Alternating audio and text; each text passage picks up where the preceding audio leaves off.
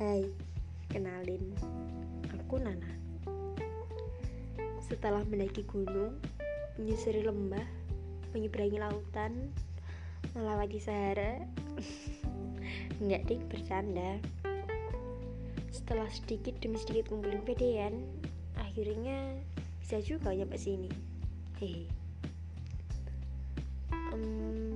kalau ditanya apa motivasiku di sini, pertama karena aku suka nyobain hal baru yang kayaknya seru.